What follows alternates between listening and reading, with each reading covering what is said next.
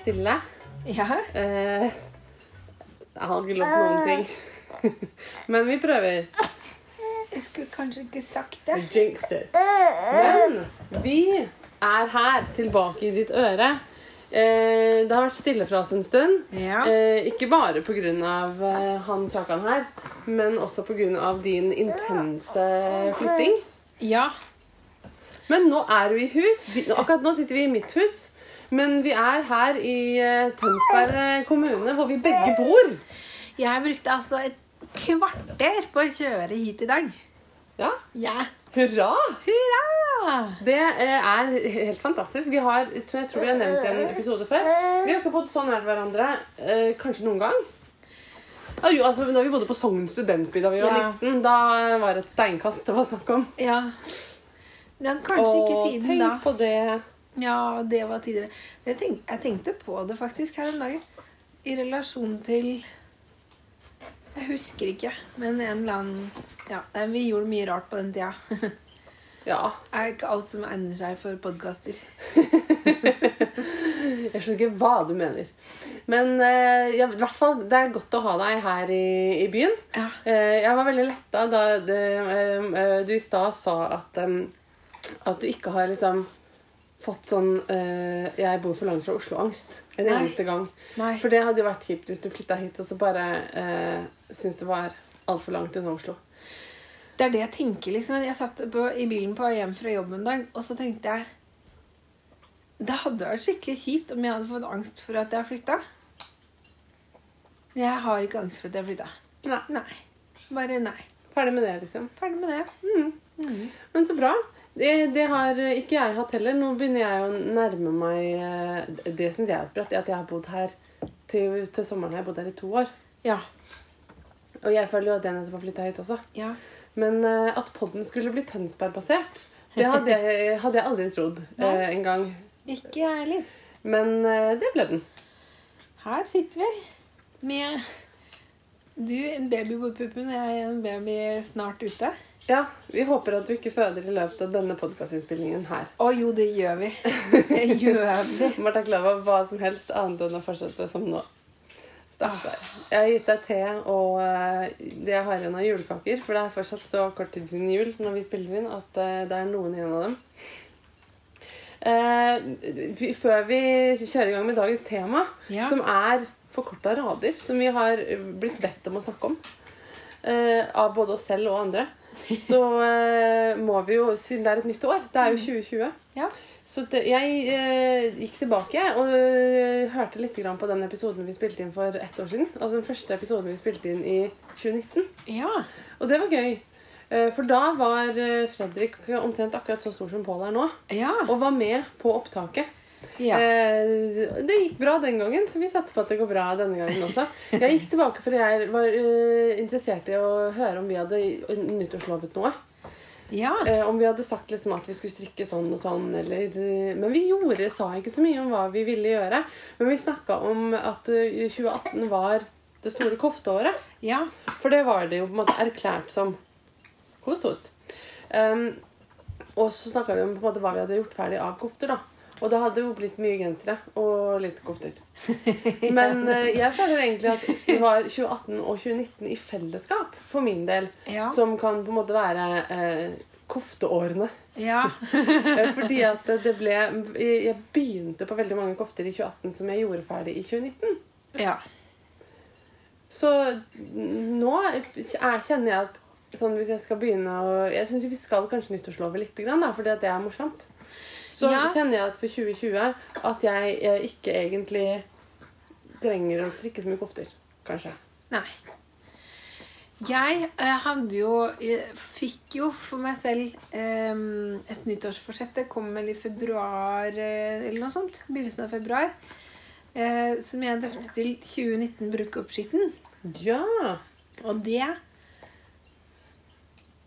Ja, altså Det uttrykket Det, det funka som dritt i gram snø, for å si det sånn. Fordi jeg Er det et uttrykk? Ja. Dritt i kram snø? Ja. Smukk. Jeg skjønner ikke metaforen.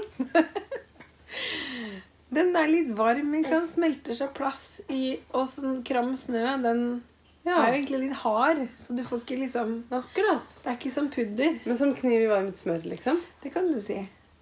Den er På strømmen sier vi tydeligvis noe annet. Ja.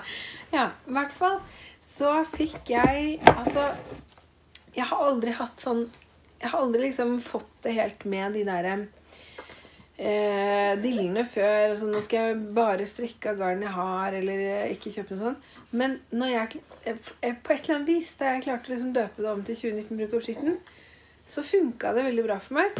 ja. Og jeg har faktisk Har du brukt opp skitten? Nei. Så langt kom jeg ikke. Men jeg har fått lagd noen prosjekter, ganske store, til dels det jeg sitter i nå. ja. Som er en lang kjole med garn fra lageret. Men du, unnskyld meg. Ja, ok, ja. Ja, ok. Greit. Fordi når jeg hører eh, bruke opp skitten, da tenker jeg liksom bruke igjen de små restene og de tingene du har liggende igjen og sånn. Men eh, når jeg ser på den kjolen du har på deg, som er fotsid, og du er Kembo-gravid, liksom. Ja. Vi snakker ganske Hei, nå kom denne hunden min også. Eh, eller den andre, for den ene er jo her fra før. Hei, Maika. Um, ja, det er veldig mye garn du har på deg i dag. Ja. Altså, det er enorme mengder. Hvor mange meter snakker vi her? Altså, Massevis av nøster, i hvert fall. Vi snakker kanskje sånn 2000-3000 meter. Noe sånt. Ja. Men poenget var ikke Fordi det er at jeg kan ikke Jeg syns at den der restegarnstrikk, det er litt sånn begrensende. Ja. Så jeg tenkte at jeg skal strikke av garn jeg har allerede. Er Lagerstrikk. Lagerstrikk. Jeg skal ikke bruke eh, Jeg skal ikke gå ut i en butikk og kjøpe nytt garn. Nei, du skal gå til laget ditt og tenke hva kan jeg lage av dette? Ja. Og så eh, Så dette her, det var en genser som jeg prøvestrikka en gang for lenge siden. Som jeg aldri ble glad i. Det, det, ble, det var for kjip prosess med å strikke den. Og, ja. Og så var det noen garn jeg kjøpte på salg for 100 år siden som jeg tenkte Burgunderrødt, det trenger jeg alltid. Så jeg kjøper masse. Ja, For det er to garn, sant? Ja, det er en tråd Pickles Pure Thin Alpaca. Ja. Og så er det en tråd Pickles Merino Bliss. Den må jo være god og varm. Nå, akkurat nå er det veldig varmt. Ja, jeg la akkurat i ovnen, jeg. Sorry. Det går bra. Bedre med litt for varmt enn litt for kaldt. Den ser det ble- fantastisk deilig ut, da. Ja, den er fantastisk. Den er så myk. Men det som, den garnkombinasjonen er også veldig glatt. Så det gjør at den Da jeg hadde strekket den, så var den liksom til litt under kneet, og nå er den fotsid. Ja. Den kan jeg tenke meg har vokst. Ja. Men den har ikke vokst mer enn det, så egentlig da altså er jeg fornøyd. Og så strikka jeg inn det er, altså Mønsteret er eh, den pikkelsgange Dagny cirka. Og så ville jeg ha V-hals, og så tenkte jeg at eh, jeg vil ha Jeg sitter jo mye på gulvet og sånn med en ettåring. Så tenkte Ja. jeg må kunne sitte på en komfortabel måte. Jeg strikka en litt splitt nederst. Mm, det var lurt. Ja. Den er veldig, veldig kul. Er... Du er- ser eh, akutt mye mer eh, stilfull ut enn jeg gjorde på slutten av min graviditet. Det vil jeg påstå. Da var det varmt, og jeg bare lå i en Ja. med en sarong over, liksom. Rundt omkring. Men det som er at jeg- har liksom passa på å se meg selv bare rett forfra i speilet. Ja. Og så i sted så kom jeg i skade for å se på meg selv sideveis der jeg var do. ja. Og da ble jeg sånn Å, guri malla, Marte. Du kan jo ikke gå med en kjole Det er klart du kan det. når det er så greit, for det, det er jo bare Altså Altså, jeg, jeg tror ikke du kan eh, kle bort den magen, for å si det sånn. Eh, jeg, jeg tror ikke det skal være et mål heller. Den er jo kjempeflott. Men den kommer litt inn i rommet et kvarter før resten av deg om dagen. gjør det. Ja. Da, men jeg hvert fall som Da jeg var gravid, så drev alle og masa om at jeg var så innmari liten hele tiden. Ja, og vet du, i den der fella der, det har jeg tenkt at jeg må si på podkasten. Fordi jeg gikk i fella senest i sommer med en venninne som var høygravid. Og så sa jeg 'Å, herlighet, du har jo nesten ikke noe mage'. Og jeg mente det som en kompliment, for jeg blir jo åpenbart ganske stor selv. Men det viste at hun var da på vei til sykehuset til en ekstraordinær ultralyd fordi at hun hadde veldig veldig liten mage. Så hun, Jeg også ble sendt på en sånn. ja, Og samme veldig- dag som jeg ble sendt på en sånn, så var det også en annen mamma i barnehagen jeg leverte, som sa sånn eh, Herregud, så liten mage du har. Du ser jo ikke gravid ut i det hele tatt. Nei. Og da blir man jo eh, sånn Altså, jeg, jeg, jeg var ikke stressa, fordi jeg trodde ikke det var noe gærent. Nei. Og det var ikke det heller. Nei, og det var ikke Men, hun eh, min heller. Men eh, jeg kjente liksom litt der og da at jeg kanskje traff noen som var et litt sånn sårt punkt. Mm. Så jeg tenker det til alle dere der ute. Aldri kommentere gravidmagers størrelse. Men jeg lurer på om vi kanskje kan bare Kan vi bare utvide det til kropper generelt? Ja, Fordi om folk er gravide eller ikke gravide, eller noe som helst, så kanskje vi bare kan uh, slutte å kommentere hvordan mennesker ser ut. ja, eller så må man gjøre sånn som hun ene på jobb, som har en datter som nettopp fødte for tredje gang. Og alle de barna har er liksom med ett års mellomrom. Ja. Hun sier sånne fantastiske ting som Åh, det må være deilig å være så fresh som gravid som det du er. Når jeg liksom åpenbart ikke er fresh. Men hun har sikkert lært, da. Hun har altså tre barn selv. Hun er liksom bare, Det er så herlig å møte på henne, for hun sier alltid et eller annet sånn Sånn at man faktisk føler seg bedre. Ja, Ja. så med mindre du har noe hyggelig å si, så bare ikke si det, kanskje. Ja, nei. Men så er det litt sånn som jeg har prøvd å forklare mine barn. da, jeg, Barna mine er jo barn, og de har jo en tendens til å si sånne ting som Se på han, han er skalla! Og da er jeg også sånn, prøver å forklare dem at vet du hva? Folk som er skalla eller har en stor mage, eller sånt, de vet stort sett om det selv. Så du trenger ikke å si det til dem. Nei. Og det er ikke alltid de har så lyst til å snakke om det. Nei. Det kan hende at det, det de syns det er mer spennende å høre for eksempel om du kan fortelle dem noe om deg. Så kanskje de forteller noe spennende om seg selv som ikke syns utenpå engang. Ja. Um, så det kan vi jo som voksne også tenke på. Godt sagt. Ja. Ja. Blir det noe strikking på deg da i uh, den siste ventetiden? Altså, det har jo vært sånn eh, Jeg har hatt min mat på overskudd i og med at vi har eh, solgt en leilighet, flytta, det har vært jul, jeg har bytta jobb, og nå er jeg høygravid. Og vi har fortsatt ikke internett! Telenor, ta dere sammen! Oi. Ja, det er eh, pes. Ja. Så jeg har liksom mm, ikke fått strikka så mye. Men nå har det begynt å komme. Det syns Pål var fint å høre. Ja. Ja. ja.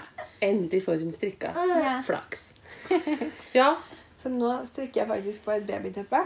Ja. Og så tenkte jeg at eh, jeg må prøve å bli ferdig litt fort, sånn at jeg kan begynne på et hentesett til den babyen som da Ja. kanskje kommer snart. Gøy. Har uh, babystrikkeviljen uh, satt inn, eller ikke? Den er mer på plass enn den har vært før noen Ja. gang. Men den ikke, det betyr at den er liksom sånn moderat, da. Ja. Vil jeg si. Ja. Uh, så nå Jeg har klart å opparbeide noe slags entusiasme for å strikke i hvert fall det hentesett. da. Og så teppet syns jeg er greit. Ja, og det bare uh, Apropos teppe. Jeg strikka jo et uh, babyteppe slash uh, mammainnpakning slash gigantsjalskjerf Ja. i sommer. Og det er altså noe av det mest brukte jeg har strikka noen gang, tror jeg. Ja. Det brukes hver eneste dag til i hvert fall tre forskjellige ting. liksom. For jeg pakker meg inn i den hvis jeg sitter og det er kaldt, og jeg pakker han inn i det og legger han i vogga, og jeg bruker det og over han i bilsetet og hele tiden. Ja. Og jeg er ikke i tvil om at jeg kommer til å fortsette å bruke det også etter at han er baby. Så det er sånn der, altså Et restegarnspledd, det er eh, garnspiseren sin, det. Og Ja. virkelig eh, nyttig å ha også. Og da, det er, da er jo det litt ironisk, i og med at dette her er faktisk de fem nøstene eh, Ja, ikke bare de, men fem nøster jeg kjøpte nye i 2019. Det var til et spesifikt prosjekt, og nå er de brukt opp, så de har ikke endt opp som lagermat. Og har du bare kjøpt fem nøster i hele 2019? Nei, jeg kjøpte de fem, og så kjøpte jeg en sånn pakke fra Kit Couture Ja. På strikkefestivalen. Mm. Og den genseren har jeg faktisk også allerede strikka. Wow. Ikke verst. Jeg tror ikke jeg Jeg har Jo, jeg kjøpte også et par Hesperos værbitt før eh, Før jeg innførte 2019 brukersiden. Men jeg må si også at det som jeg gjorde som jeg syntes var veldig smart selv, var at jeg sa til meg selv at eh, jeg skal prøve. Jeg skal liksom mm, prøve så godt jeg kan, men hvis jeg må kjøpe noe garn, så Ja. må jeg kjøpe noe garn. Så for ja. jeg skal ikke være så streng med meg selv. Men da fikk jeg plutselig ikke lyst til å kjøpe garn. Nei, vet du hva, det er veldig lurt. Jeg har hatt en sånn kjøpestopp som også er sånn derre Jeg skal ikke kjøpe meg klær bare for å kjøpe meg klær, men hvis jeg trenger noe, så må jeg jo selvfølgelig få kjøpe meg klær. Ja. Altså man kan ikke, Hvis man ikke har flere underbukser, så må man jo få kjøpe underbukser. liksom. Ja. Men det at man har et sånn ikke altfor strengt regime, gjør kanskje også at det ikke blir så viktig. Eller? Ja. Og så liksom det, det først kom i gang Jeg strikka Tenkte ok, jeg orker ikke å strikke så mye som barneklær og greier. Og så, begynte, så strikka jeg en hals til Fredrik fordi at han eh, var forkjøla og trengte å være varm i halsen. Og den blei så fin. Og så hadde jeg bare bitte litt grann igjen av de nøstene. Så strikka jeg sokker som passa veldig bra. De var myke og varme, og han brukte masse. Og da ble jeg sånn Wow! Dødskult! Og så strikka jeg en genser av alle Purewool-restene mine, som også ble dødsfin, som han har brukt masse. Det er det som er fint da med å strikke til barna sine. At det er litt som å strikke til seg sjøl. At man Ja. får på en måte se det og nyte det i bruk hele tiden. Ja, og så er det liksom når eh, Det som jeg syns var så fantastisk, som ga meg en sånn ny følelse av mestring, var at det var vinter, og det var kaldt, og jeg så at babyen min var kald. Mm. Og så satte jeg meg ned en kveld, liksom to timer eller noe, og så lagde jeg noe sånn at han ble varm. Det var sånn Veldig fint. Jeg trenger ikke å vente på åpningstider eller noe. Jeg kan bare fikse det. Trylle fram. Det er magisk. Ja, det er det. Jeg har eh, rett og slett satt meg ned og titta på hva jeg har eh, produsert i 2019. Ja. Ikke minst fordi at på Instagram så florerer det jo av sånne hva jeg har strikka i 2019-innlegg. Ja. Og jeg blir helt eh, svett av å se hvor mye folk strikker. 74 ferdigstilte prosjekter og Guri altså. Gud, som folk trøkker ut strikketøy. Ja. Det eh, Først så tenker jeg litt sånn Og de er mye flinkere enn meg. Og så tenker jeg, Marte, skjerp deg. Det er ikke flinkere å produsere mer. Nødvendigvis. Det er flinkere, altså det er jo ikke flinkhet det handler om. Nei. Man skal jo kose seg med strikkingen. Ja. Og altså, hvis man koser seg med å strikke 74 prosjekter på et år, så for all del kos deg i vei. Mm. Men jeg tror, det er jo ikke noe galt med måten jeg strikker på for det. Men jeg har nå telt, da. Og jeg ble overraska over hvor mange ting jeg har strikka i 2019. For da jeg hadde telt, så ble det 19 ting. Men det er klart, noen av de tingene er bitte, bitte, bitte små. Et par votter til Tomine, liksom. Ja. Teller jo som én ting. Ja. Um, og en lue til han som tar hva, fem, fem gram garn omtrent. da han var nyfødt. Um, uh, teller også som et prosjekt. Men jeg har strikka noen store ting. Jeg har annet uh, strikka Fussy dottejakke. Ja. Og en svær uh, poncho med dobbelt uh, hull, holdt jeg på å si. Med Ja. hull til to hoder, så man kan bære en baby i den. Ja. Uh, og så har jeg strikka ferdig, den var vel påbegynt rett før 2019, men uh, en sånn kofte med stjernemønster på. Ja. Og så har Ja, det er jo de største tingene jeg har strikka. Og så har jeg strikka noen litt sånn mindre genserplagg. Sånn granskogtid, som har vært en stor favoritt. Ja. Og en sånn kort, den som jeg har kalt for enhjørnings-crop-toppen. Ja. Og så har det blitt litt sånn andre småting. Ja. Uh, Så, så når jeg ser tilbake, så er jeg veldig fornøyd med alt som har kommet ut. Altså, og ferdigstilt et uh, par kofter også. Så nå kjenner jeg at jeg er ganske sånn fornøyd på koftefronten. Altså i strikkejakkefronten. Jeg har jakker og kofter Mm. å gå med. Så nå har jeg eh, tenkt at for 2020 så må jeg rett og slett eh, kanskje ha som ambisjon å strikke mye småplagg. Altså at jeg trenger eksempel eh, Jeg trenger votter. Eh, jeg, har, jeg har bare seks par eller noe. Men ingen som jeg vil ha akkurat nå. Nei. Så eh, Nei, jeg, bare, jeg ønsker meg flerfargestrikka votter i liksom kule farger. Ikke bare grå og hvit og svart. Ja. Så det må jeg ha. Og så eh, må jeg ha leggvarmere. Fordi helt siden vi flytta hit, så finner jeg bare to leggvarmere. Og det kan du tenke at det er helt perfekt. En til hvert bein. Nei da, for det er fra to forskjellige par. Ja. Så det er en rosa og en grå. Det er helt greit i hjemmebruk, men jeg skulle gjerne hatt liksom, leggvarmere som jeg syns er fine også. Ja. Så det skal jeg strikke. Ganske kjedelig å strikke, da. Men Ja. eh, det får freiste. Men kanskje jeg skal på en måte prøve å ikke strikke altfor mye kofter og gensere. Men nå har jeg én genser på gang nå, da. På den annen side så er det store prosjekter som man kan kose seg lenge med. Ja. Det jeg syns er veldig interessant med det, det du begynte med å si, var et spørsmål som Tjuvbekk stilte på Instagram i høst, tror jeg det var. Og det var folk, hva folk tenker om det med produksjon eller produktivitet. Mm. Og jeg syns at hun formulerte seg veldig fint, for hun var veldig sånn nøytral i språket. Men hun sa at hun har registrert på Instagram at folk Det går liksom noen sånne diller. Mm. Og det gjør det jo. Ja. Men da er det Virker det som at det kanskje er en del der ute som Hvor dilla liksom biter seg skikkelig, skikkelig fast. Og så begynner man å strikke fem like plagg i forskjellige farger, f.eks. For eksempel. Mhm. Fordi at det er så gøy, og det går så fort. Mm. Og så dette her, det går jo litt på hva slags sånn em, strikkementalitet man har. Om, om det er prosessen eller produktet eller liksom hva som er viktigst for deg, eller hva du setter mest pris på med Mhm. strikkingen. Og det er klart at hvis du uh, bruker alle de fem genserne, så er jo det helt flott. Mm. Da er det liksom Ja, du er Men å strikke veldig mye som blir liggende i et skap, er jo på en måte like dumt som å kjøpe klær som blir liggende i et skap. Kanskje enda dummere. Ja, så det hun liksom stilte litt spørsmål ved, var det med eh, hva slags tanker man gjør seg rundt dette her, da. Mm. Og så at ikke det ene er nødvendigvis bedre eller dårligere enn det andre, men eh, at ja, forbruk i alle slags former er jo negativt hvis man ikke har behov, Mm. nødvendigvis. Og det har jeg tenkt litt på at um, Og det syns jeg var gøy, da, på en måte med eh, å skulle bruke opp det jeg hadde i lager. For jeg har hatt en del garn som jeg har spart på, for jeg syns det er så veldig, veldig fint. Mm.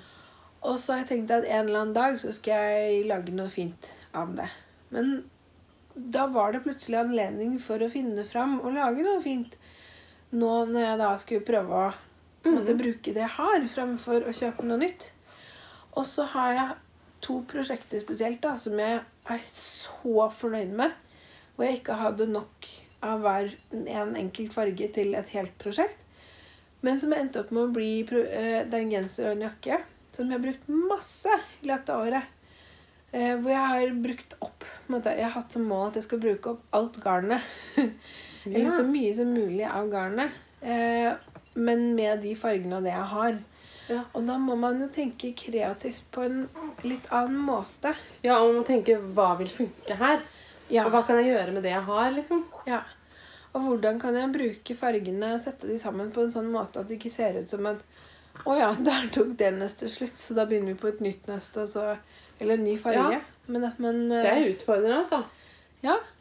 Og da som, I hvert fall som i den tråden hennes da, så kommenterte jeg dette her. Da, eller da fikk, hun fikk meg til å tenke litt gjennom akkurat dette her. Og da tenkte jeg at den Det tok lengre tid å strekke Eller det tok egentlig ikke lengre tid, for jeg ble så gira av det. Men prosessen var veldig sånn um, ja, jeg brukte mye kapasitet på den, da, fordi at jeg, jeg måtte planlegge ganske mye. Jeg måtte være kreativ, jeg måtte finne opp oppskriftene selv. Mm. Og jeg måtte jobbe med det mens jeg strikka. Og da syns jeg egentlig at det var en mye morsommere prosess enn å bare rase gjennom et ganske enkelt mønster og få en genser som er fin og brukbar, alt dette tingene her, og myk Mm. og god og alt det der. Men, altså, det, var, men det, det er mer utfordrende, da. Mm. Men det, at det kan være fint, da. Eh, og også at det at ting tar litt tid, kan være eh, en god ting. At Ja. man eh, kan nyte den prosessen det faktisk er, da. Og så ser jeg nå da jeg flytta, så at jeg har min, Nå har vi mindre skapplass enn det vi hadde i leiligheten. Ja. For det er ikke satt opp så mye skap. Så min side av skapet er nå fylt opp av ullplagg.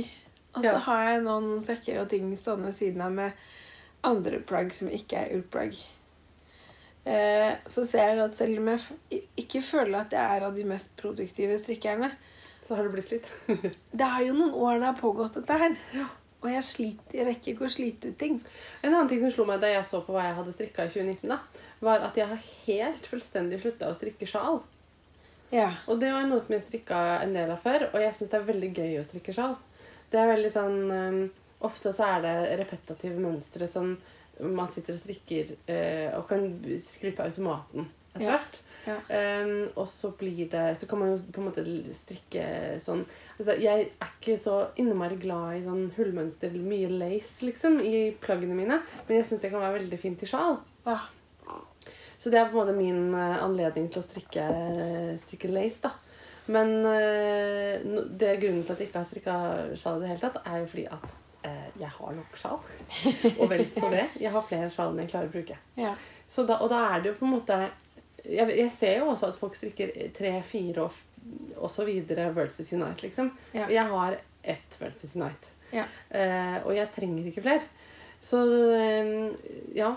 Så kanskje eh, man må Jeg vet ikke. Man må jo ingenting. Men jeg tenker at jeg i hvert fall skal prøve å strikke de tingene jeg kjenner at jeg trenger Ja. nå. Og ikke bare strikke flere av ting jeg har, da. Fra før. Mm.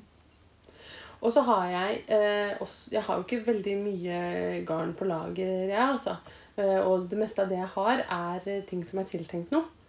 Eh, men det jeg har, er Jeg har noen garn som ikke på en måte har en tilhørende plan. Og som jeg ikke har Det som er typisk meg, det er at jeg kjøper gensermengde av et garn, og da er det tiltenkt en bestemt greie. Men hvis jeg kjøper mindre, så tenker jeg å, men det kan bli et eller annet smått. Og så strikker jeg veldig sjelden noe smått, for jeg er en genserstrikker.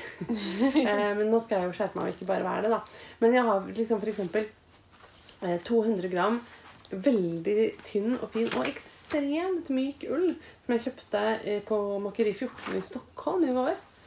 Fjor vår.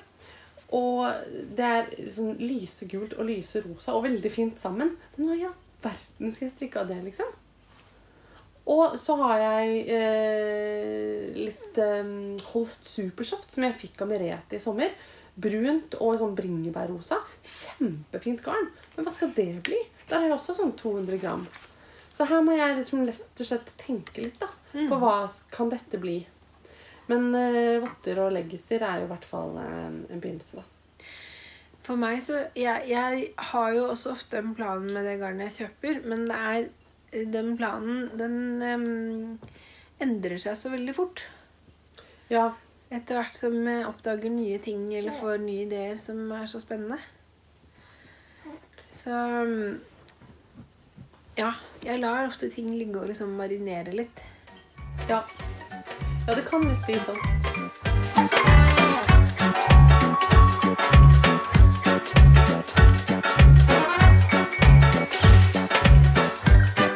Jeg driver og strikker nå på en genser som heter uh, Flax Light Tin Can Knits gratismønster.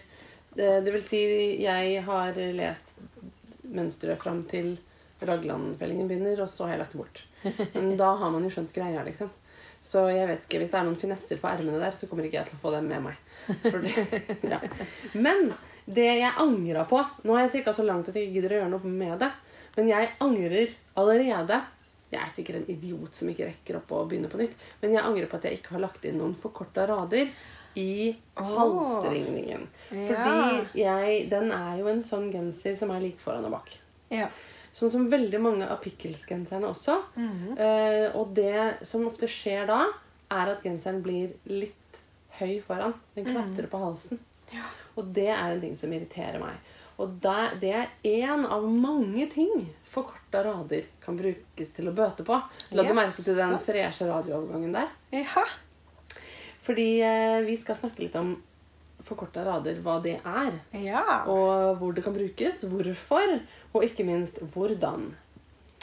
Og hva det er, er jo det ligger jo litt i navnet. Forkorta rader. Altså at man ikke strikker eh, hele raden med masker, men bare strikker fram og tilbake på noen av dem.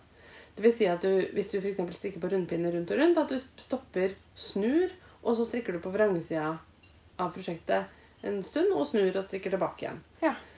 Og det som skjer da, er jo at du får eh, et strikketøy som er lenger eller videre, eller altså du får mer tekstil på den ene siden enn på den andre. Ja. Er ikke det greit forklart, da? Ja, så du får eh, ja, Ikke nødvendigvis på den ene siden eller den andre, men du får på en måte en, Der du har strikka. ja, en liten bulk, ekstra bulk i stoffet der. Mm. Det blir mer ekstra. stoff der du strikker mer stoff. Ja. Altså, For meg så er det litt som å tegne med strikketøy. At man på en måte Og jeg trenger litt mer stoff her. Da lager jeg litt mer stoff her. Ja. Og det er en av mine favorittmåter å strikke på. Hvor jeg føler at man liksom kan forme et plagg uh, mens man strikker, da. Og mange syns at forkorta rader er eh, enkelt og greit så lenge det står i mønsteret akkurat hva du skal gjøre, men kanskje litt skummelt å bruke sånn på frihånd. Jeg, for meg har det vært veldig sånn frigjørende å ta det i bruk på frihånd. Strikker en babybukse. Tenker han skal ha på seg bleie.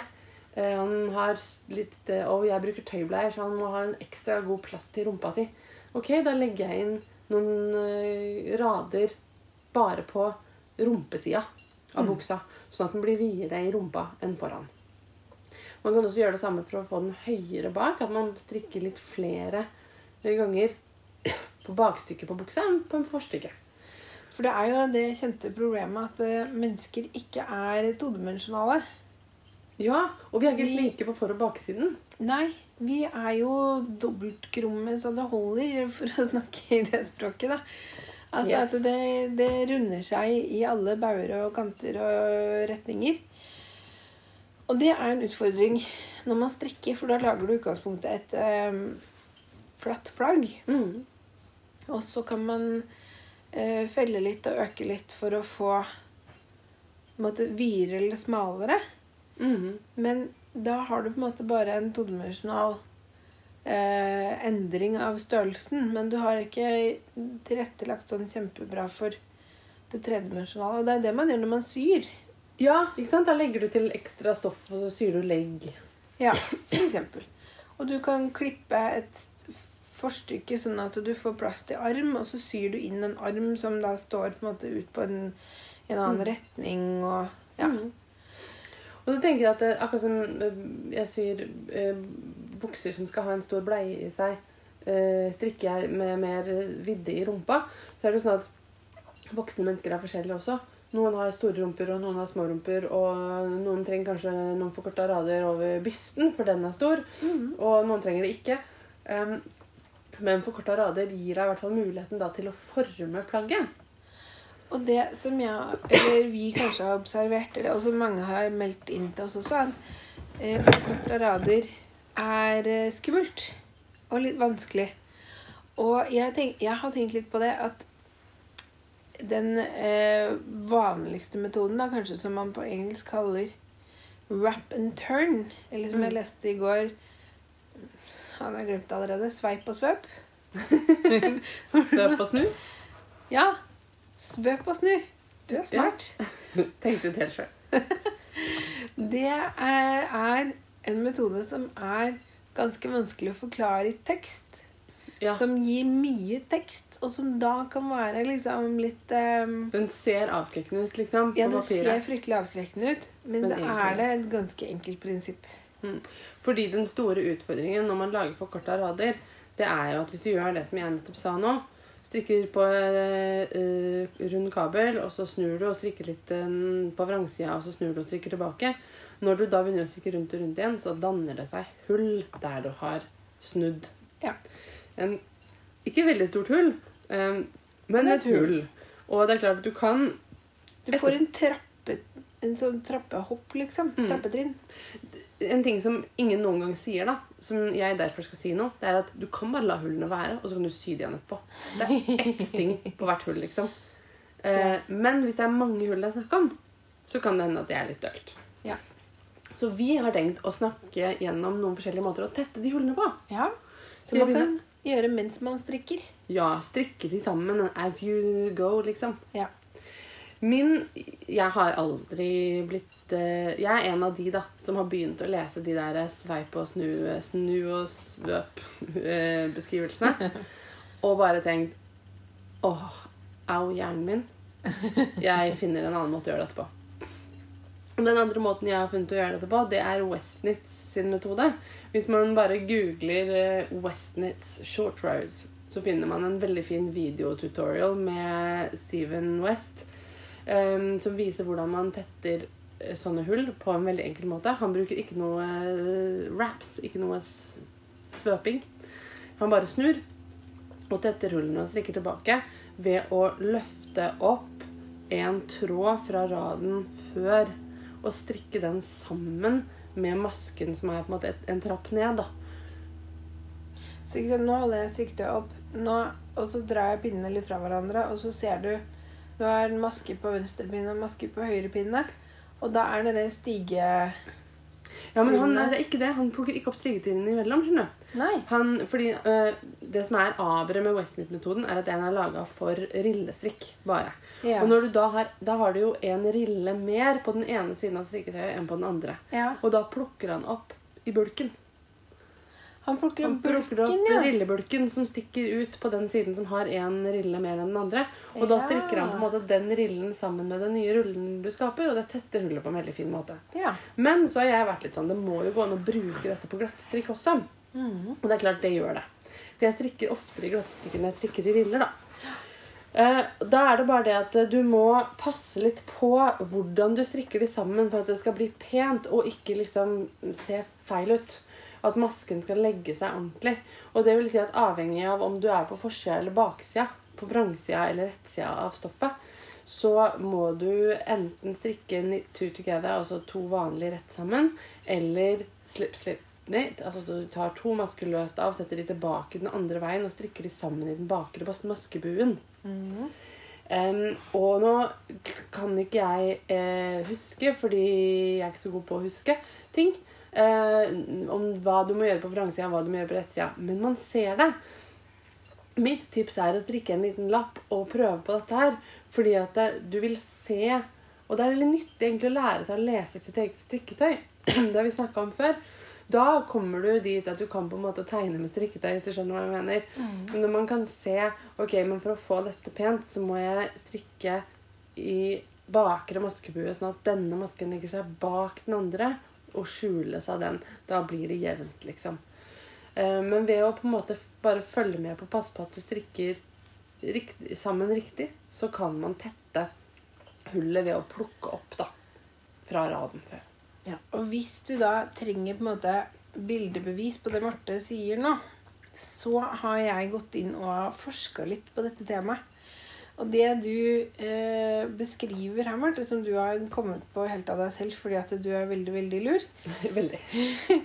det er da beskrevet i en artikkel fra eh, Det er et engelsk forlag som heter Interweave Press Ja. som gir ut mye fine bøker. Og de har laget en artikkel som vi, vi kan eh, lenke til, eh, hvor de sammenligner fire forskjellige metoder. Og det du beskriver, det er den metoden de kaller catch. Altså at man plukker opp Mm. eh, tråd fra en av de foregående radene. Mm. Og poenget med det, det er jo selvfølgelig det at Og som er poenget med alle disse forskjellige metodene som har forskjellige navn, det er jo at du legger inn litt grann ekstra garn som du kan trekke opp til å lage en sånn slags um, En liten bro da, mellom de Mm. trappetrinnene du egentlig lager når du snur. Ja. For å snurpe det hele litt mer sammen. Mm. Og det du beskriver, det er jo en sånn ganske sånn garnøkonomisk måte å gjøre det på. Fordi at du snurper bare i det stoffet du allerede har laget. Ja. Så hvis du har veldig lite garn, eh, og du trenger å legge inn ekstra, noen ekstra rader, men du ikke bruker Jeg vet ikke, De gjør et poeng ut av det i artikkelen, men jeg har aldri tenkt så mye over at den der, den derre centimeteren med garnstump du bruker på Du bruker ikke en centimeter engang. Nei. Det er jo det bare Det er jo altså Det som er fint med strikketøy, er jo at det er elastisk, sånn at man kan alltid dra litt i det og Fordi at det, er det som er utfordringen med disse forskjellige metodene, som jeg også har slitt litt med hvis jeg har fulgt det som har stått i oppskriften, og sånn, er at du gjør masse sånne akrobatiske øvelser for å skjule hullene, men som egentlig bare lager nye hull. Ja, fordi det var når du sa i stad at man kan øh, Du spurte om han plukker opp fra stigen imellom. Ja. Så sa jeg nei, det gjør han ikke. Og grunnen til det er fordi at da lager du jo et nytt hull. Ja. Hvis du plukker opp. Da må du i så fall strikke den vridd sammen, da. Ja. Så det jeg har gjort, er at jeg leste forklaringen på Wrap and Turn en gang. Og så tenkte jeg ok, dette skjønner jeg. Og hver gang jeg skulle strikke for korte rader, tenkte jeg ja, men ja, dette kan jeg, så det går fint. Så har jeg bare gjort det sånn som jeg tror jeg husker at det sto. Det høres ut som- sånn som jeg strikker. Ja.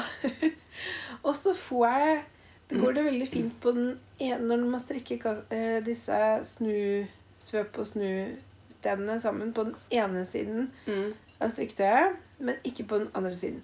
For det som er utfordringen, er jo at når du strikker eh, svøp og snu fra rettsiden, så oppfører maskene og svøpene seg litt annerledes enn de gjør fra vrangsiden. Mhm. For du, eller du får Ja, svøpen før eller etter en maske som ja, jeg skjønner. Så jeg tenkte at dette kan vi dyppe litt dykere dyk, dyk. Dyppe litt dypere i. Ja. Jo, for det som skjer, er jo at hvis du ikke eh, plukker opp disse mm, svøpene, ja. så blir jo de liggende som en maske på siden, liksom. Mm. Så eh, poeng Det du da gjør, sånn rent teknisk sett Hvis vi tar for oss da wrap and turn eller svøp og snu-metoden Ja, for Har vi egentlig sagt hva en wrap er? Nei, det har vi ikke. Men det skal jeg si nå. Det, hele opplegget er at du I oppskriften så står det gjerne at du skal strikke et visst antall masker, og så skal du snu. Og det er om du gjør det Det er to måter å gjøre dette på. Enten at du strikker La oss si du har valgt deg et punkt, og så strikker du mm, 20 masker. Og så strikker du eh, over det punktet, og så 20 masker på andre siden når du har snudd. Og så neste gang så strikker du til det punktet, og så strikker du 15 masker. Og så strikker du til det punktet, og så 15 masker på andre siden. Og så du hele tiden reduserer med et visst antall masker, så du får en Da vil du få en spiss. spiss. Hvis noen har forkor- strikka sånne short heel rows uh, Nei, short row heels. Herregud, så mye knoter i dag. Uh, altså forkort, hæl av forkorta rader. Ja. Da er det på den måten du strikker en slags trekant, og så Ja. strikker du den motsatt vei, og så henger den sammen på sidene og i spissen. ja. Da får du måte disse svøpestedene synlig nedover i stoffet. Mm. Og jeg, eh, strikkezilla, hun anbefaler at man prøver å legge, hvis man har, strikker en sånn type plagg, da, eh, disse svøpene inn mot en ribbekant. Så godt som mulig. Så andre ganger hvis du strikker F.eks. du har valgt deg ut et punkt, så strikker du fem masker, og så snur du, og så strikker du til det punktet og fem masker på andre siden. Og så øker du for hver gang. Mm. Da får du også en, en em, Du får en, en trekant, men den går utover istedenfor å gå innover. Mm. Um, at man kan gjøre det før eller etter en vrangbord. Det kommer an på, på måte, Begynner du nederst og strikker oppover, eller begynner du oppe og strikker nedover? Ok. Ja.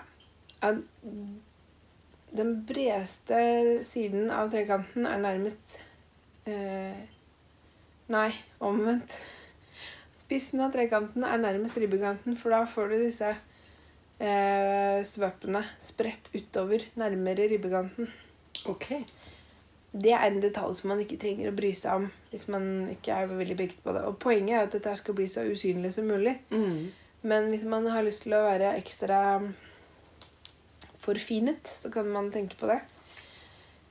Eh, Det er liksom ideen at du Du lager en hile Ja. i det plagget. Som um, legger inn ekstra stoff der du trenger det. Hmm. Og så, så det er prinsippet for hva man gjør. Hvordan gjør man det sånn helt spesifikt? Når du snur, så, så står det oppskriften strikk. La oss si da fem masker. Og så snur du. Teller du da fem masker og snur? Eller teller du fem masker og snur på den femte? Ofte i oppskriftene da, så, så, står det at du skal strikke fem masker, og så snur du på den sjette masken. ja. At du skal svøpe den sjette masken. Ja. Og svøpe altså ved å surre tråden rundt den. Ja, det er at du legger garnet du strikker med som en, en løkke rundt halsen på masken, på en måte. Du tar den løst av, så legger du eh, tråden foran, setter den Ja. tilbake på pinnen, og da har Også, den rundt deg. Snur du strikketøyet så snur du strikketøyet, og da og tar har med du deg tråden. Og så strikker du videre. Og da setter du masken tilbake på pinnen, og så strikker du videre. Aha. Og da har du da den ikke strikket den masken som du svøper. Nei. Skjønner. Så Du har den- bare surra den inn i garnet du strikker i. Ja. Du har lagt en maske rundt den, på en måte? Ja. Men Og her er det jeg da begynner å få litt problemer allerede. Fordi at hvis du svøper for løst, så hjelper det på en måte ikke helt at du har gjort all den derre Husket om du har svøpet riktig vei, eller Fordi du skal jo da trekke tråden fram mot deg eller bak fra Altså fra, til deg eller fra deg. Avhengig av om du strikker på forsiden eller vrangsiden. Mm. Baksiden. Og så tenker jeg at det er jo to måter å rappe på også. For enten så kan jeg ta masken av og så legge svøpet rundt. Eller så kan jeg legge svøpet over og så ta masken av. Da rapper jeg den ene eller den andre veien. Mm. Har det noe å si? Ja, du skal på en måte svøpe den veien hvor du Sånn at de svøpet ikke ligger foran den retningen du skal strikke mot. Etter at du har svøpt. Det skjønner jeg ingenting av. Altså den, Du tar en maske løst av pinnen, mm. og så skal du legge eh, tråden rundt halsen på den Ja. på en sånn måte at svøpet ligger La oss si at du da, da Når du da snur ja så du ikke, ikke svøper på tvers, på en måte. Ja, Jeg skjønner. Nå skjønner jeg. bra. For hvis man øh, svøper før man tar den løst av, da, legger du, du, da vrir du masken du legger rundt den, på en måte. Ja. Og så blir det kluss i forhold til de neste maskene du strikker, da. Ja. Um, ja. Og så er da det, So far, so good. Du bare kan fortsette med det. Og det fins gode tutorial-videos og bildeting på dette her på internettet. Ja. Vår venn internettet. Og da jeg undersøkte dette her litt ekstra, så eh, fant jeg en video som Pearl Soho har lagt ut på YouTube. Hvor de viser veldig veldig enkelt og greit og forklarer eh, dette her. Og da skjønte jeg også hvor det har gått feil for meg tidligere. Aha. Fordi jeg har gjort dette her, men jeg har ikke fått det til å bli pent. Som jeg da nevnte på mm. Hvis du strikker rundt, så må du strikke inn svøpene på en litt annen måte enn om du strikker fram og tilbake. Ja vel. Fordi at noen er lettere å strikke inn pent hvis du strikker fra vrangsiden. Men hvis du strikker rundt, så strikker du alt fra rettsiden til slutt. Ja. Og hovedpoenget her, for å bare ikke Altså akkurat hvordan det gjøres, det kan dere se i videoen. Men det er at man skal få svøpet til å ligge på baksiden av striktøyet. ja. Da blir det mest mulig usynlig. Ja. Og så er også noe av clouet det at man ikke liksom, Skal du stramme maska sånn at den blir helt kvalt? Eller skal du legge inn litt sånn ekstra sånn at det er lett å strikke det sammen? Etterpå. Ja. Igjen, da, dersom flerfargestrikk som du lærte meg, Martha, at det skal ikke være for løst, det skal ikke være for stramt, det skal Nei. være akkurat passe. Ja. Og så blir jeg litt irritert på deg, og så blir jeg «Åh, hater Men det som man, jeg også hører, er jo at eh, det er jo egentlig akkurat det samme som det med Westnitz-metoden eller catch, eller hva man skal kalle den. For det er bare det at istedenfor å lage dette svøpet rundt, så plukker man bare opp den tråden i etterpå isteden. Ja. Men det er akkurat det samme at man skal gjemme det på baksiden. Det er derfor jeg sier at du må se om du kan strikke enkelt rett sammen. Mm. Eller om du må strikke vridd sammen i bakre maskebue. Mm. Fordi at eh, da ser du Da gjemmer du den bak den maska som ligger foran. Mm. Um, men jeg tenker at det, heller enn å lese eh, veldig intrikate forklaringer som kan gi deg hodepine, så vil jeg anbefale alle å bare sette seg ned og se på strikketøyet sitt og prøve. Mm. Og prøve å se ok, hvordan kan jeg strikke dette for å få det pent. For jeg tror at veldig mange strikkere som er Altså, noen strikkere er kjempeflinke og har strikka i mange år og er dritgode til å lese strikketøyet sitt. Um, men noen er uh, mer hva skal jeg si, avhengig av oppskrifter og vant til å bare følge instruksjoner. Mm. Og da tenker jeg at man kan bli litt redd for å prøve sånne ting. Mm. Men stol på deg selv som strikker, og stol på at du vet hvordan det skal se ut, og hva som er pent. Og så bare ser du det. Ja, og så tenker jeg at det har litt å gjøre med eh, hva slags garn du bruker, hvor elastisk det er. For den metoden som du nevner, da må du kanskje Jeg tenker på det liksom at du må røske litt i det som allerede er strikka, som har hvor det stoffet du har laget, har en viss strikkefasthet, som du da strammer til litt Ja. for å tette hullet. Mens med svøp og snu så legger du inn litt ekstra garn. ja. Kanskje den er bedre hvis man strikker veldig stramt, f.eks. Jeg strikker jo ganske løst, så for meg er det alltid nok å ta av. Ja. Og, og det som gjør wrap and turn eller svøp og snu litt uh, vanskeligere kanskje å få til, det er det at du må, må eh, passe på hvordan du Altså strikke sammen svøpet og den masken som du har svøpet. Mm. Det er veldig enkelt. Det er som å strikke to sammen. Mm. Men du må gjøre det du må, du må få det på pinnen i en viss rekkefølge, avhengig av om du strikker inn fra baksiden eller fra forsiden. Mm. Og det er det som gjør det for å få svøpet på baksiden til å ligge på riktig side av masken. Ehm, og har du da svøpet for hardt eller svøpet for eh, løst, så blir det litt sånn knotete Mm. uansett. Ehm, men hvis du har et veldig lite elastisk garn, hvis du f.eks. strikker med alpakka eller ja, kanskje litt mer sånn kamgarn, Mm. så kan det kanskje være lurt å legge inn litt ekstra stoffet.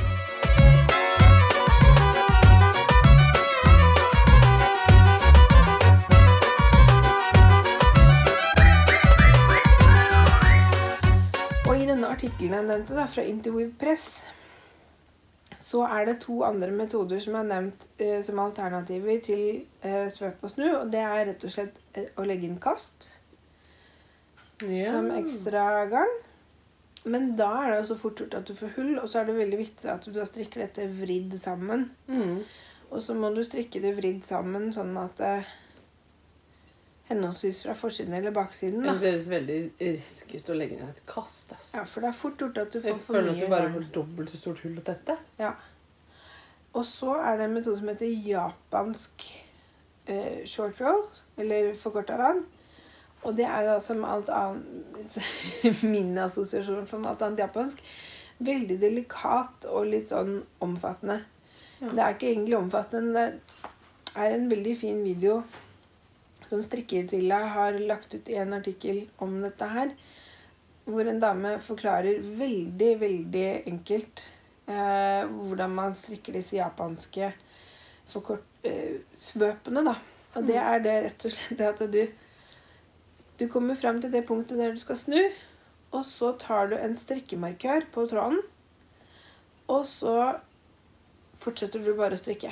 Og når du skal strikke inn det som da blir et svøp, så er det ikke et svøp som sitter rundt en maske, men det er en eh, strikkemarkør som dinger i, i en litt løs tråd. Ja. Og da kan du bruke markøren til å hekte den tråden opp på pinnen og strikke sammen med den masken som da ellers ville ha blitt svøpt. Ja. Men da får du en kortere tråd enn om du svøper rundt hele masken. ja, jeg skjønner. Mm. Så du får litt mindre garn som kan Men egentlig er skape dette veldig mange måter å gjøre det samme på. ikke sant? Det er det. Mm. Og så heter det forskjellige ting. Og det er det som kanskje skremmer folk. Som, altså, Hva er German short rose? da? For det har jeg også hørt om. Å, jeg er så glad for at du spør, Marte. det er nemlig favorittmetoden til strikkesilla. Aha. Og jeg bare Ok, det hørtes kjempeenkelt ut. Det må det være det samme som kast. Men nei. Det er ikke det. Men den er sånn tysk lur. Aha. Og det er ingen som vet hvorfor det heter German short Så i din verden så er det sånn japansk delikat, tysk smart. Ja, litt. Ja. Kanskje. Ja, Ja. Jo, jeg skjønner hva du mener. Tysk er litt sånn traust, lite Ikke sånn ikke, Kanskje ikke alltid så spennende. Og det er selvfølgelig en veldig teit fordom, for det er, det er mye fine tyske strikkemønstre og design og alt mulig rart. Men den er sånn solid. Ja. Ja. Og det er også sånn som er litt vanskelig å forklare. Men igjen Åsa Trikåsa, som er en svensk strikkedame Ja, som Hun har jeg hørt om. ja, hun har strikketilla også lenket til. Hun har lagd en veldig god bildetutorial, altså ikke noe video, Mhm. eller noen ting, hvor hun viser veldig tydelig. Og det som er clouet der, som strikkesilla også forklarer i en video som hun har laget, hvor jeg ikke syns det var så tydelig, eh, hvor hun bare sier at dette er kjempeenkelt, men du ser ikke hva hun gjør. Mm. Um, det, men det er altså fryktelig ekkelt. Det er rett og slett at du strikker fram til det punktet der du hadde bestemt deg for å snu. Og så snur du strikketøyet. Og da, la oss si at du strikker glatt strikk, da. Så har du da strikket med tråden på Og sitter på siden og. Marte og liksom gjør dette med strikketøyene våre. Ja. Og så begynner du å strikke fra vrangsida. Da skal, og legg deg rett og slett Da skal du ha tråda på tråda, tråden på framsiden mot deg. Mm. Men du skal snu først. Da tar du rett og slett tak i tråden du strikker med, Ja. og nøkker litt til og drar den over pinnen. Sånn at den masken som du da har tråden i Jeg tenker på det som at den blir vrengt over pinnen. Oi, nå mista jeg alle maskene. Ja, men jeg skjønner. Ja, sånn at du får de to maskeleddene over pinnen.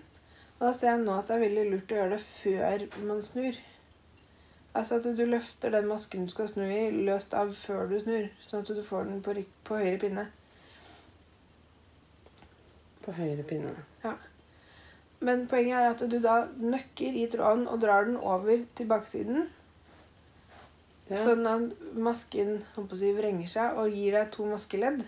ja. Og så fortsetter du å strikke. I da glatt strikk. Og strikker du da de to Da gjør du ikke noe mer med den eh, før du skal plukke opp. Så den skal bare være øh, Den lar du bare stå på pinnen fram til du er klar til å strikke alt sammen til slutt. Aha. Og så gjør man sånn, ja. Og så når du da snur ah, Da skal- har du to masker på pinnen. Som du Ja. strikker sammen. Ja, det ser ut som du har to masker Ja. på pinnen. Men det er Nei, egentlig bare én maske. Dette var lurt. Ja, sant? Dette var veldig lurt. Ja, Oi, oi, oi. Ja. Jeg har lurt, I hele min karriere som strikker har jeg lurt på hva German short rows er. Ja. Nå vet jeg det. Ja. Jeg har vært sånn Det er sikkert eh, lurt, men jeg gidder ikke å sette meg inn i det. nei. Men det var jo veldig raskt å sette seg inn i, da. Det er, ikke sant? Det er en vrengt maske. Det er en vrengt maske.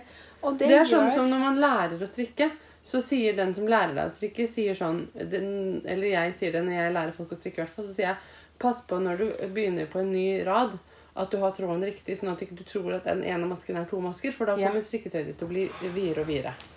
ja. ja. For det er jo en veldig viktig sånn, nybegynnerfeil, at man holder tråden feil, og så tror man at det er to masker, og så er det bare én. Se på strikketøyet nå. Kan du se hvilken av de maskene der jeg har snudd på? Nei, det kan jeg ikke. Nei, det er helt usynlig. Vakkert. Ja. Altså Guri Ja. Beluri, Ja. for å si det på norsk. Og dette er jo i essensen det samme som det du og Westnitz har gjort. At dere drar litt ekstra i det strikket dere allerede har laget. Ja. Bare at Det som her, er her slutt trenger du ikke å tenke i det Nei, du trenger tatt. ikke å tenke. Du trenger ikke å sitte og sjekke engang. Ok, Nei. nå kanskje jeg skifta til Nå fikk jeg intenst behov for å strikke noe nytt som jeg kan bruke short på. Ja. Kanskje jeg skal strikke ferdig den dumme lua likevel. da. Det jeg har strikka, nemlig Jeg strikka en hettelue eh, som jeg skulle strikke to like av. En til Tomine og en til bestevennen hennes, for det hadde Tomine bestilt uh, av meg. Ja. Og så når jeg har strikka ferdig den ene lua, og jeg har drivet og justert og justert og prøvd den på henne for å se om det blir bra, og, for jeg finner jo bare på. Og der har jeg brukt uh, short rows. For det jeg har gjort, er at jeg har strikka Først, Hun ville ha hettelue, for hun ville ha hals på lua. For hun ville ikke drive med å ha hals og lue, for det er for mange enkeltplagg. Ja, okay. Uh, så da strikker jeg hals først. Og så har jeg felt av eh, en del masker foran Ja. for å lage liksom ansiktshullet. Fader, Tomine er en lur dame, da. Ja, hun er effektiv. Og så har jeg strikka eh, Fordi du må følge med. følg- Du må følge med. Så jeg strikka opp her til hodetoppen. Ja. Og så har jeg strikka sammen i toppen, sånn som jeg gjør på undersida av hæler i bestemorhæren. Ja.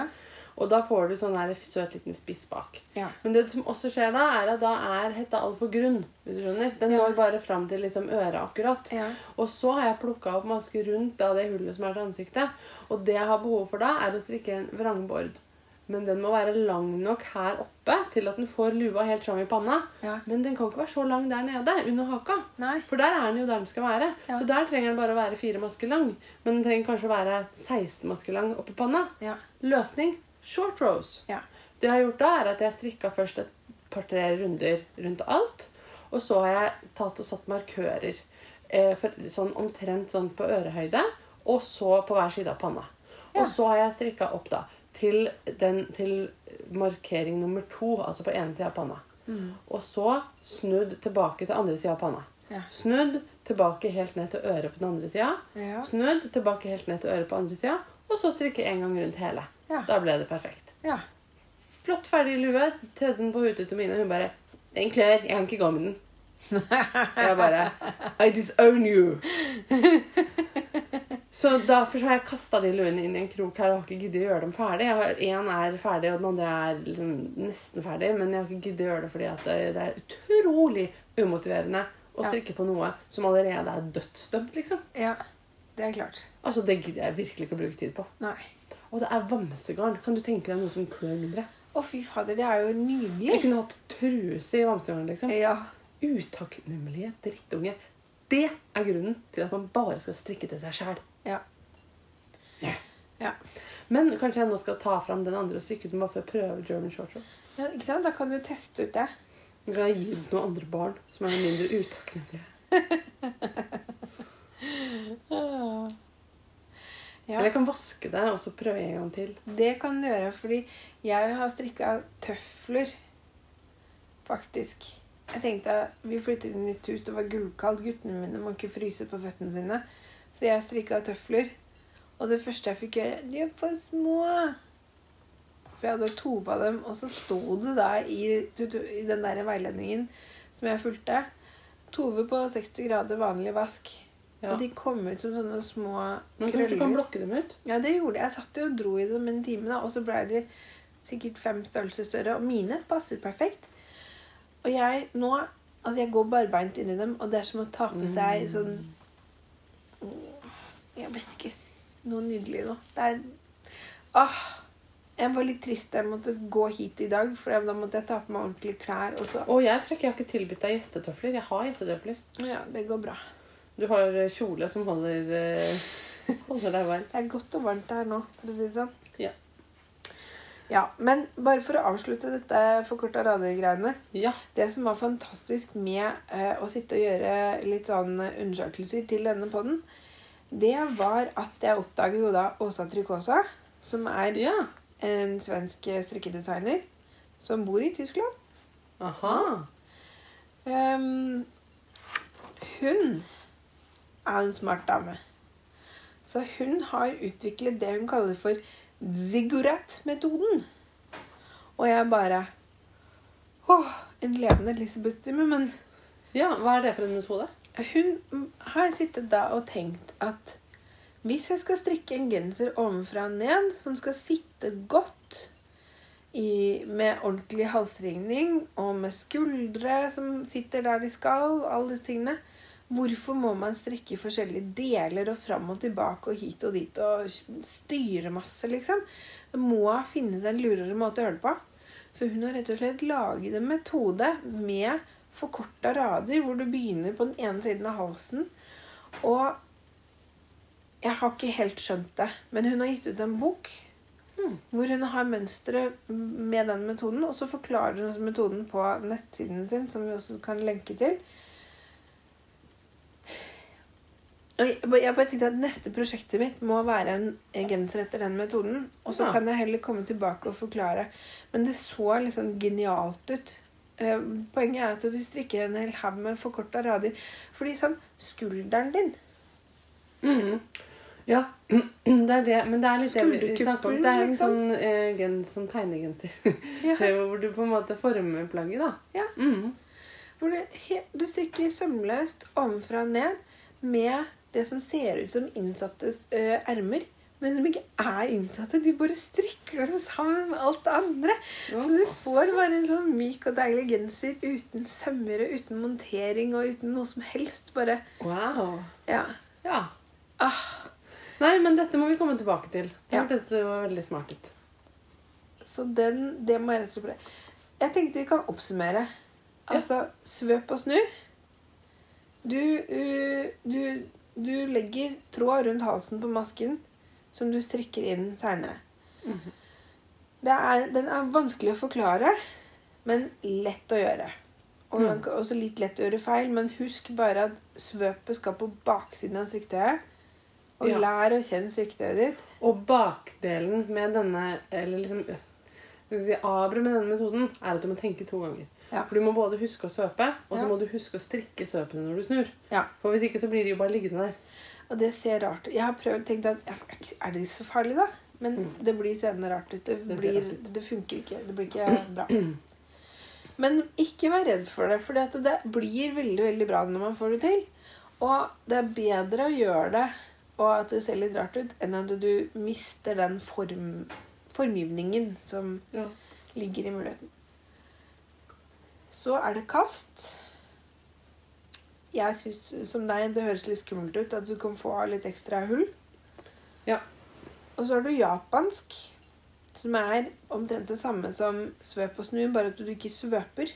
Men du bare setter eh, en liten klunk med garn på en maskemarkør som du plukker opp seinere. Fordelen er at du, når du da strikker rundt, så er det ikke så lett å glemme det, for da har du plutselig en maskemarkør Det er sant. Og så blir det litt tøytere. Så blir det tøytere, ja. Det er sant. Og så har du den metoden som du har liksom klart å dedusere deg fram til helt selv, Marte. Som i artikkelen kalles catch. Ja. Som er at du plukker opp Ja. tråd som du finner i strikketøyet ditt. Mm. Eh, og strikker sammen med stedet der du har snudd. Yes.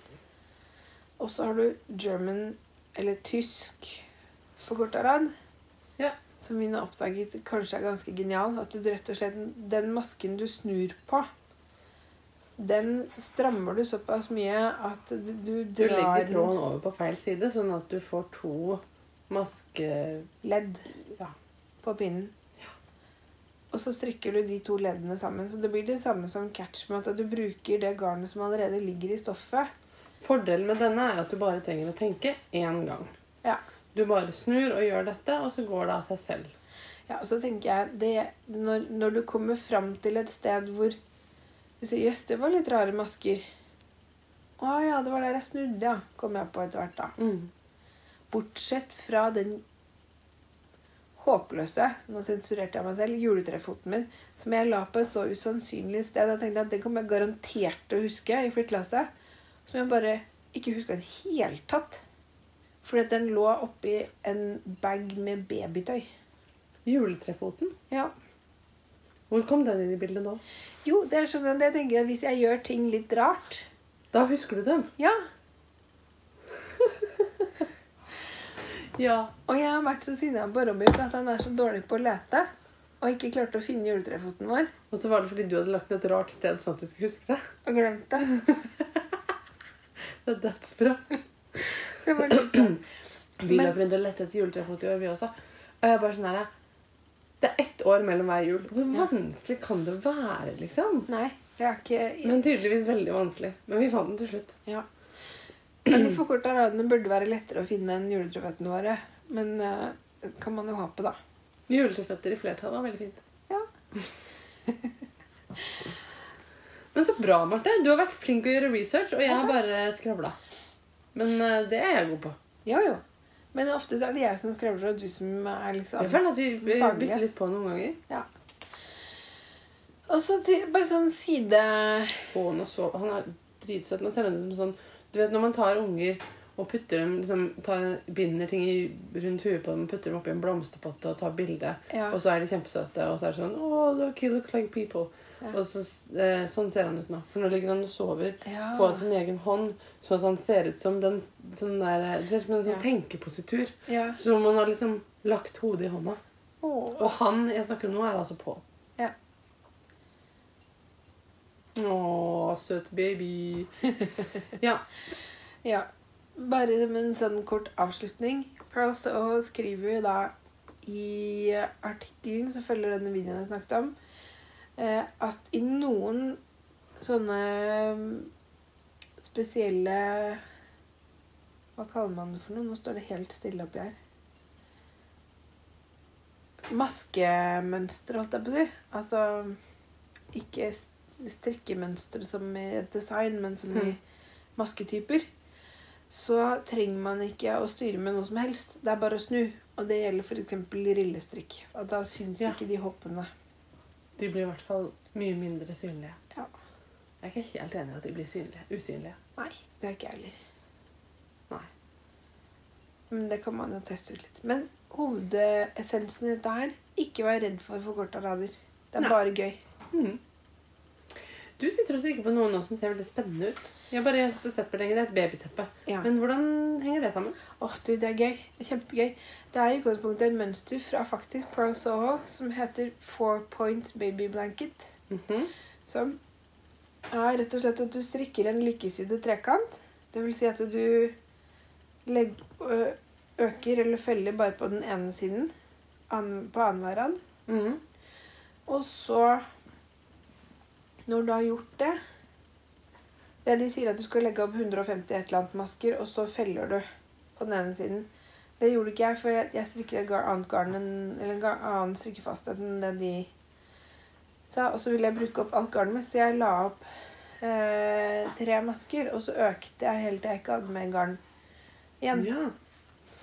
Så når du da strikker den trekanten ferdig, så plukker du opp langs med like mange masker som du enten la opp med, eller som Ja. du slutta med. Langs med den ene siden. Og så strikker du en til. Og så strikker du videre en trekant, og da har du to likesidige trekanter satt ved siden av hverandre. blir et rektangel. Og så plukker du opp langs den ene siden, og så strikker du en trekant til, og så strikker du en trekant til, og da har du plutselig kvadrat til slutt. My goodness. Ja. Fun with geometry, liksom. og så gøy, den siste Og så strikker du bare en rad rundt? Eller liksom en kant rundt? Ja, det står det ikke at man egentlig skal gjøre da, men jeg syns det ble litt for lite. Så jeg, jeg har rett og slett bare plukka opp hele veien rundt, og så strikker jeg bare utover og utover utover til jeg syns det er blitt nok. Det høres dødsbra ut. Det er riller, og det er helt ukomplisert. Og det er liksom, ø, så mye som min gravidhjerne har klart å tenke. Perfekt. Bortsett fra den siste trekanten, for den må du da Den har du plukka opp på den ene siden. Ja, Den må du henge, opp, henge sammen med den andre siden. Ja, så, fordi jeg bare Nei, jeg skal ikke sy. Så jeg strikka det sammen. Men da igjen Internett. Da tror jeg jeg ville plukka opp maskene først. Og så Ja. strikka jeg det sammen med de oppplukka maskene. På to rundpinner. Det kan man selvfølgelig gjøre. Det var bare mitt, eh, min første tanke. Det var veldig lurt. Så lur var ikke jeg. Da kan vi konstatere at man er lurere når man ammer enn når man er høygravid. Ja, nja Jeg vet ikke helt om vi kan slå fast det. Eh, det kan, eh, vi har ikke testa min metode ennå. Det kan hende din ble veldig mye bedre. Altså, da jeg først kom Jeg, jeg måtte rekke opp mange ganger i begynnelsen før jeg klarte å, å liksom få meg selv til å gjøre det samme hver gang. For jeg glemte det fra rad til rad, selv om Ja. man begynner med tre masker. Eller Ja. én. Ja, Nå har vi kommet til det punktet i, i denne barneproduksjonen Marte, hvor du må begynne å strikke ukompliserte ting. Altså, du, er, du kan ikke strikke noe vanskelig nå. Nei. Nei. Men- Men nå er jeg snart ferdig med dette her. Snart er det over, ikke sant? Eh, over. Snart begynner, begynner det. Snart begynner resten av mitt liv. Hvis noen lurer på denne lyden, som man har hørt noen ganger i løpet av podkasten så er det meg som drar garn gjennom min garnskål som jeg fikk til jul av svigermor, som er en liten sau Den er så fin! med eh, et nøste oppi. Den står her på hylla og sauer seg. Den har veldig fint fjes. Ja, Veldig tiltalende blikk. Jeg må Instagramme den litt. ja det må du gjøre. Jeg er ikke sånn kjempefan Eller altså, jeg, jeg er fan av konseptet garnbolle, men jeg er ikke så veldig fan av de praktiske eksemplene som fins. For Mm. de er ofte liksom enten morsomme enten, altså Det er liksom en troll som har grønt garn kommet ut av nesa som spyr, liksom, eller, Ja, det Snørr. eller noe sånt. Så Det er liksom morsomt, men det er bare Det mange pene nå, da. Ja. Sånn eh, av tre eller av keramikk eller sånn som bare er vakre, liksom. ja. Sant. Men den sauen der syns jeg Den den er veldig veldig sansen Greia var at jeg fikk en for noen år siden um, som var jeg var veldig glad i, men den ble knust. Ja. Og så har jeg liksom vært lei meg for det, og da tok svigermor og lagde en som på en måte var litt i, i slekt eh, inspirert av den, for den var også en sau. Ja. Du, jeg må si du er veldig heldig som har en keramikersvigermor. Ja, det er jeg faktisk. Ja. Eh, ja. Men vi har nok kopper, for å si det sånn. Ja. Skap her, der, det er kopper overalt. Ja. Men jeg er veldig glad i kopper også. ja, Så jeg føler egentlig aldri at jeg har nok kopper allikevel. Nei, man har aldri det. Man må drikke mye te. Man må drikke mange teer på en gang. Ja. Men du, Marte, vi skal ta og avslutte. Skal Ja. vi gjøre noe vi aldri har gjort før, og på en måte eh, annonsere hva neste episode skal handle om? Som en slags teaser? Å, det kan vi gjøre. Fordi vi har bestemt oss det. For vi pleier aldri å vite det Nei. fra gang til gang. Men vi har bestemt at neste gang skal vi snakke om Marius-mønstre. Ja. Spennende, altså. Ja, rett og slett. Sant, Pål? Nå våkna du òg. Og jeg kjenner navnet på den episoden er gitt allerede. Hva er det? Bokstav eller alliterasjon. Det er jo veldig enkelt, Marte. Marte og Marte og Marius? Ja. Ja. Ja, ja. Men da eh, takker vi for eh, denne gang, og så eh, strikk godt. Strikk mye. Strikk langsomt eller fort. Alt hva som faller seg for deg. Og følg oss på Instagram og Facebook og snakk med oss. Mm. Og sånn. Og prøv å strikke på korta lader, Og eh, oppdag hvor eh, mye gøy du kan gjøre med det. Ja. ja. Ha det, Marte. Ha det, Marte.